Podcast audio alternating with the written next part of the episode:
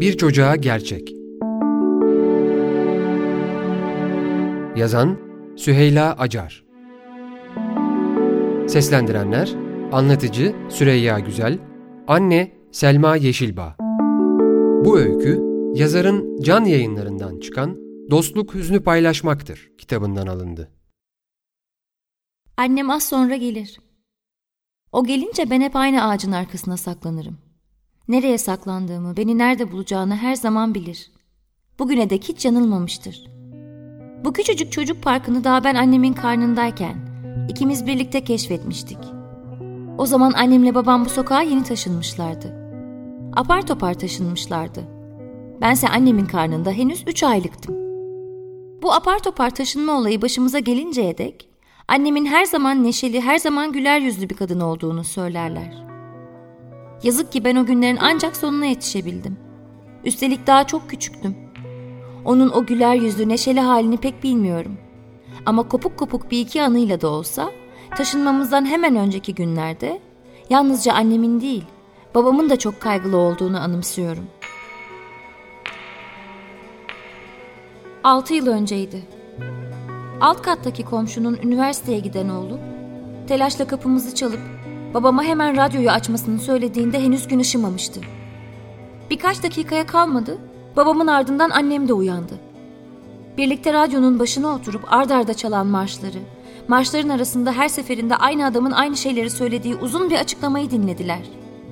Bu arada babam kütüphaneden çıkardığı bazı kitap ve kağıtları telaşla banyonun kapısına yığdı ve sobanın başına oturup tek tek yakmaya başladı.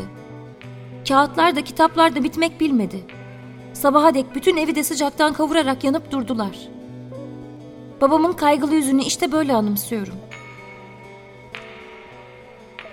O gün akşama dek annemle babam sokağa çıkmadılar. Kimse çıkmadı. Ama annem gün boyunca evin içinde hiçbir yere sığamadı. Arka balkondan ön pencereye durmaksızın gidip geldi. Sık sık pencerenin önünde elini karnına tam benim üzerime koydu. Ve uzun uzun boş sokağa bakıp durdu. Annemin kaygılı yüzünü de işte böyle anımsıyorum.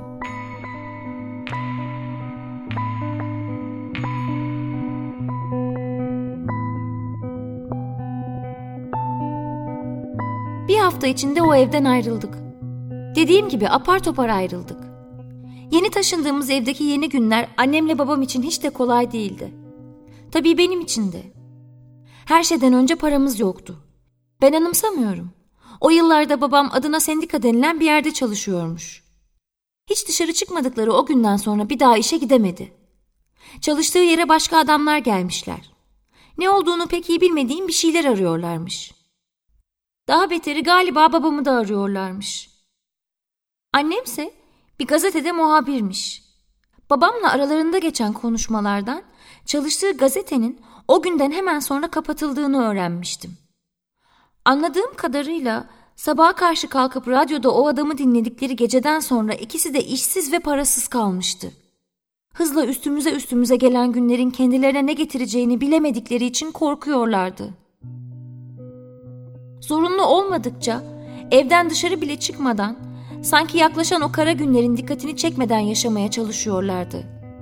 Korkularını ve endişelerini birbirlerine pek belli etmemeye uğraşıyorlardı ama ben biliyordum. İçleri hiç de rahat değildi. Gündüzler neyse de geceleri ikisini de uyku tutmazdı. Sık sık irkilerek uyandıkları o feri sönmüş gecelerde karanlık yatağın içinde kas katı bekleyerek apartmandan gelen bütün ayak seslerini dinlediklerini anımsıyorum.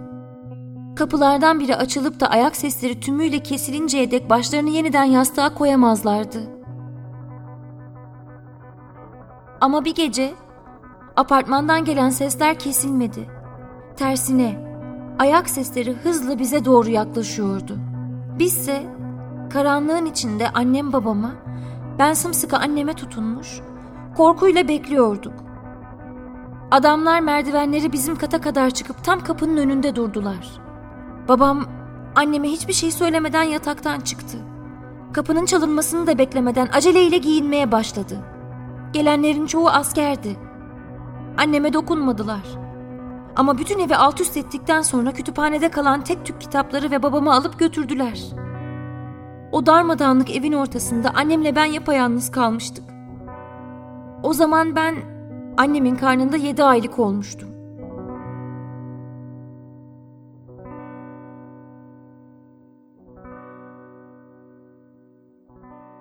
Babamın gidişinden sonraki günlerde annem eskisi kadar evde duramaz oldu. Kendini sık sık dışarı atıp sokaklarda uzun yürüyüşlere başladı. İşte o günlerin birinde bu çocuk parkını birlikte keşfettik.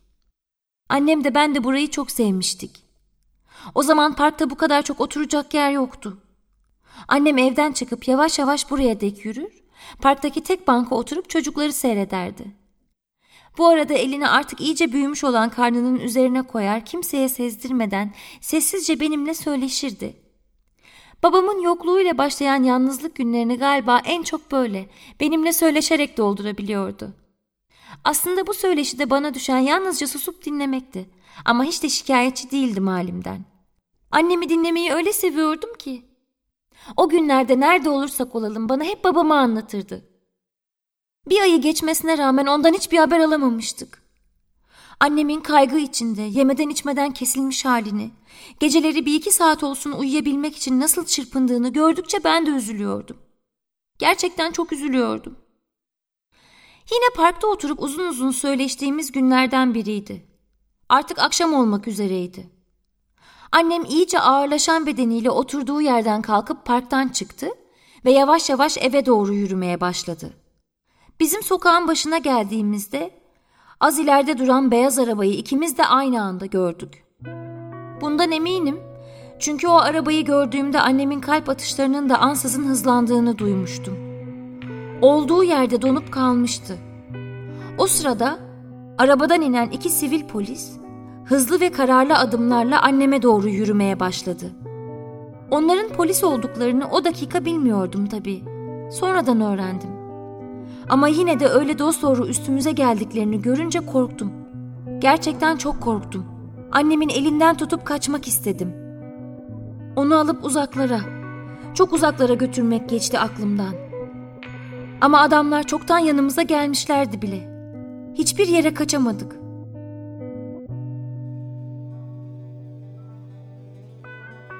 Sonraki günler annem de ben de o kötü günleri düşünmek bile istemiyoruz aslında. Ama nedense bir türlü hepten unutamıyoruz da. Karanlıktı. O günleri hep kopkoyu bir karanlıkla anımsıyorum. Yine de annemin gözlerinin bağlı olmadığı saatlerde o küçücük izbe yerde ara sıra da olsa söyleşmeyi unutmadık. Acılarımızın biraz olsun durulduğu, baş başa kaldığımız saatlerdi. Kısacık, Sonra yine kopkoyu, acılı bir karanlık. Canım yanıyordu. Annemin canı yandıkça benim de canım yanıyordu. Yine de hiç ağlamadım. Annemin karanlığı dolduran çığlıklarını hala unutamıyorum. Ama o da hiç ağlamadı. O karanlığa girişimizden, içinde annem gibi bir sürü kadının oturduğu yere gelişimize dek, aradan kaç gün, kaç hafta geçti bilmiyorum. Bana uzun, çok uzunmuş gibi geliyor. Karanlığın son günlerinde ikimiz de bayağı kötü bir durumdaydık. Ben annemi yitirmemek için var gücümle ona tutunmaya çalışıyordum. Annem de sımsıkı tutmuş, ne olursa olsun bırakmıyordu beni. Her nasılsa bir kız bebek olduğumu anlamıştı galiba. Sakın kızım diyordu bana. Sakın bir yere gitme. En güzel masalları o süt mavisi gözlerine sakladım. Sakın gitme.'' Daha yüzünü bile görmeden ondan ayrılmaya hiç niyetim yoktu. Ama koğuşa geçtiğimizde artık dayanacak gücüm kalmamıştı. Kanamaları giderek artmaya başlayınca o da durumu fark etti. Birkaç gün sesini çıkarmadan dayanılmaz acılarla kıvranarak yattı. Sonunda bir gece kabus yüklü uykularının arasına girip ondan ayrılmak zorunda olduğumu kulağına fısıldadım. Daha sabaha çok vardı. Acılar içinde doğurdu beni.'' Sesim soluğum çıkmıyordu pek. Yine de annemin kollarındayken onun kokusunu duyunca incecik bir inilti çıktı dudaklarımın arasından. Buğulu, puslu bir geceydi. Ancak birkaç saat sonra gün ışığı bir nebze olsun aydınlatınca gördüm annemin yüzünü. Tam onun yüzünü gördüğüm anda sabaha karşı gün ışırken yitirdik birbirimizi. Annem bizi evin önünden apar topar alıp karanlığa soktuklarından bu yana ilk kez o gece ağladı. O gece koğuştaki bütün kadınlar annemle birlikte ağladılar.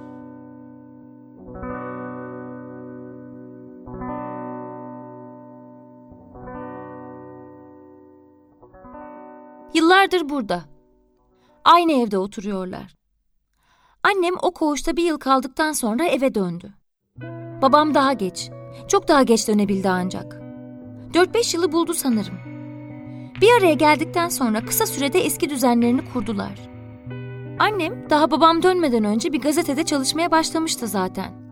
Çalıştığı gazetenin hala kapatılmamış olmasına çok seviniyor. Babam önce bir süre işsiz kaldı. Şimdi o da yeni çıkmaya başlayan bir dergide çalışıyor. İkisi de o eski kötü günlere kıyasla oldukça iyi görünüyorlar. Çok çalışıyorlar. Yoruluyorlar. Yine de galiba bayağı mutlular. Hepsinden önemlisi etrafları biraz daha kalabalık. O sıkıntılı yapayalnız günlerimiz gerilerde kaldı artık. Babama pek belli etmek istemiyor. Sessiz sedasız içinde taşıyor. Ama ben biliyorum. Son bir iki yıldır annemi iyice üzen bir şey var. O gece benim kendisini acılar içinde bırakıp gidişimi hala unutamadı. İki yıl önce babamla birlikte en son gittikleri doktorun da kesinlikle bir bebeği olamayacağını söylediğinden bu yana annemin o geceyi daha sıkandığının farkındayım. Beni yitirdikten hemen sonra o koğuştan çıkıp da tedavi olabilseymiş. Onu nasıl bırakıp gittiğimi düşündükçe ben de kendimi bağışlayamıyorum. Bu parka her gelişinde koşup ağaçların ardına saklanışım bundan. Yüzüne bakmaya utanıyorum. Yıllardır her fırsatta buraya gelip benimle söyleşmeyi bir alışkanlık haline getirdi. Ne kadar saklanırsam saklanayım, eninde sonunda gelip bulur beni. Ben de kolayca bulsun da söyleşmeye daha çok zamanımız kalsın diye hep aynı ağacın ardına saklanırım. Beni bulur bulmaz bir çırpıda her şeyi anlatmaya başlar. Her gün bir başkadır onun dilinde. Bazen gazeteye yazdığı bir yazıdan söz eder. Bazen yalnızca duyduğu güzel bir fıkrayı, bazen de kendi sıkıntılarını anlatır. Aslında altı yıl içinde değişen pek bir şey yok. O yine güzel güzel anlatıyor. Bana düşense susup sessiz sedasız onu dinlemek. Ama hiç şikayetçi değilim halimden. Onu dinlemeyi öyle çok seviyorum ki. Az sonra gelir demiştim. İşte geldi. Söz vermişti. Bu gece bana bir masal anlatacak. Bu gece sana bir bebeğin gözlerini anlatacağım. Maviye çalan, iri, kocaman gözlerini anlatacağım bebeğimin. Yıllar var yitirdim onları. Olasıl ölümlerden kaçırıp karanlıklara saldım. Ne zaman nerede bulurum bir daha bilmem. Her gece gelir biraz daha büyür uykusuzluğumda.'' Uykusuzluğumu çoğaltır, deniz olur, su olur gözleri. Bu gece sana suyun ve kumsalın öyküsünü anlatacağım. Çokça da kum taneciklerinin öyküsünü. Aslında sana bu öyküyü çok önceleri, gözlerim karanlıklar içinde gözlerini yitirdiği gece anlatmak istedim. Ama daha kum taneciklerini bile tanımıyordun ve karanlığın rengini öğrenmemiştin henüz. Bir özlemdir kum taneciklerinin öyküsü yenilmişliğin ortasında hüzünlü bir direnişin uçsuz bucaksız örgüsüdür. Çığlık çığlığa bir suskunluktur. Bir baş kaldırıdır cıvıl cıvıl. İlle de, ille de bir tutkudur kum taneciklerinin öyküsü. Yavaş yavaş, birer birer, adım adım gelip suyun kıyısına yerleştiler. Hepsi sevdalıydı, deli doluydular ve dalgalar patladığında suyun pırıltısını görmekte kararlıydılar.'' karanlıktan kaçıp gelmişlerdi buraya. Alaca karanlığa da razı olmamışlardı. Önce zayıf cılız ateşler yakıp alevlerin dansına kattılar ayak seslerini. Kol kola girip şarkılar söylediler. Şarkılarla büyüdü alevler, alevler şarkıları çoğalttı. Dalgaların sesi geliyordu uzaktan. Durup kulak verdiler. İnan bana, inanmalısın bebeğim, hepsi de yürekliydiler. Gençliklerini ve geleceklerini istiyorlardı hep bir ağızdan. Ama ortalığı ilk karıştıran dalgaların sesi oldu. Sonra gece yarısı kavgaları başladı. Uzaklardan, çok uzaklardan gece yarısını muştuluyor dalgaların sesi. Gece yarısına beş var. Durun, daha çok erken. Siz daha uyuyun, gece yarısının tam ortasındayız biz. Kıyıdaki ihtiyar balıkçı gördü. Kum taneciklerinin kavga kıyamet ortasında dağıla birleşe, ufala küçüle nasıl kum tepeciklerine dönüştüğünü. Koskoca bir dağ olmalıydınız oysa. Bir uçtan bir uca kumsal olmalıydınız. Kocaman bir ateş yakıp dağıtmalıydınız karanlığı. Duymadılar ihtiyar balıkçıyı. Ses vermedi kum tepecikleri. İnan bana, inanmalısın bebeğim, hepsi de bir gece yarısı karanlığın sesi sussun, sussun ki bu kavga kıyamet durulsun istediler. Yürekten inandılar suyun ışığına. Ama suya bakıp yalnızca kendi suretlerini gördüler ve hepsi de gerçeği buldum sandılar. Sımsıkı sarıldılar gerçeklerine, suretleriyle konuştular durmaksızın. Öyle çok konuştular ki söyleşmeyi unuttular sonunda. Duyabilselerdi, ah bir sesini duyabilselerdi ihtiyar balıkçının. Karanlığın cılız ateşleri söndüre söndüre ağır ağır suya yürüdüğünü göreceklerdi.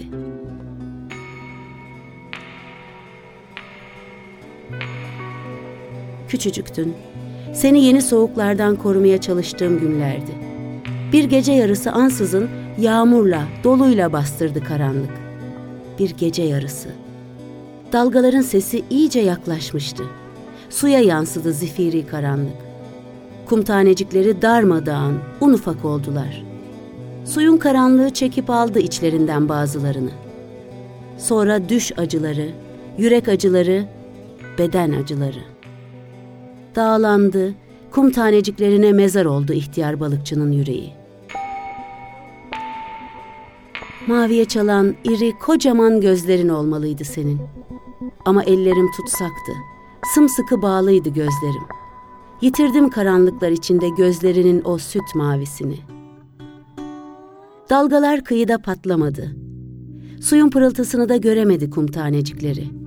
Kimi umudunu kesti dalgalardan, kimini karanlık aldı götürdü.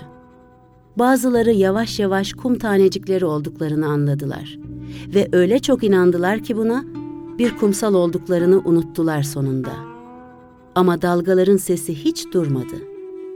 Çoğu da tutundu yürek acılarına. Beden acılarını sardı, dalgaların sesine verdi kulağını yeniden. Dalgaların sesini çözüp çözüp yeniden sardılar. Çözdükçe sarıldı dalgalar, sardıkça çözüldü su. Sudan gelip eninde sonunda suya varacaklarını biliyorlardı. Suyun ışığına inananların kırık dökük, paramparça ama cıvıl cıvıl ama rengarenk bir tablosuydu onlar. İşte böyle bebeğim. Kimseler, hiç kimseler bilmese de kıyıdaki yaralı, ihtiyar ve gözü yaşlı balıkçı tanığıdır kum taneciklerinin. Tutamadı kendisini. Yine ağladı annem. Ama giderken gözyaşlarını burada bıraktı. Belli. Bu gece parka için için bir yağmur yağacak. Ne olursa olsun yarın yine gelir biliyorum. Onu dinlemeyi öyle çok seviyorum ki. Bir de kokusunu duyabilseydim.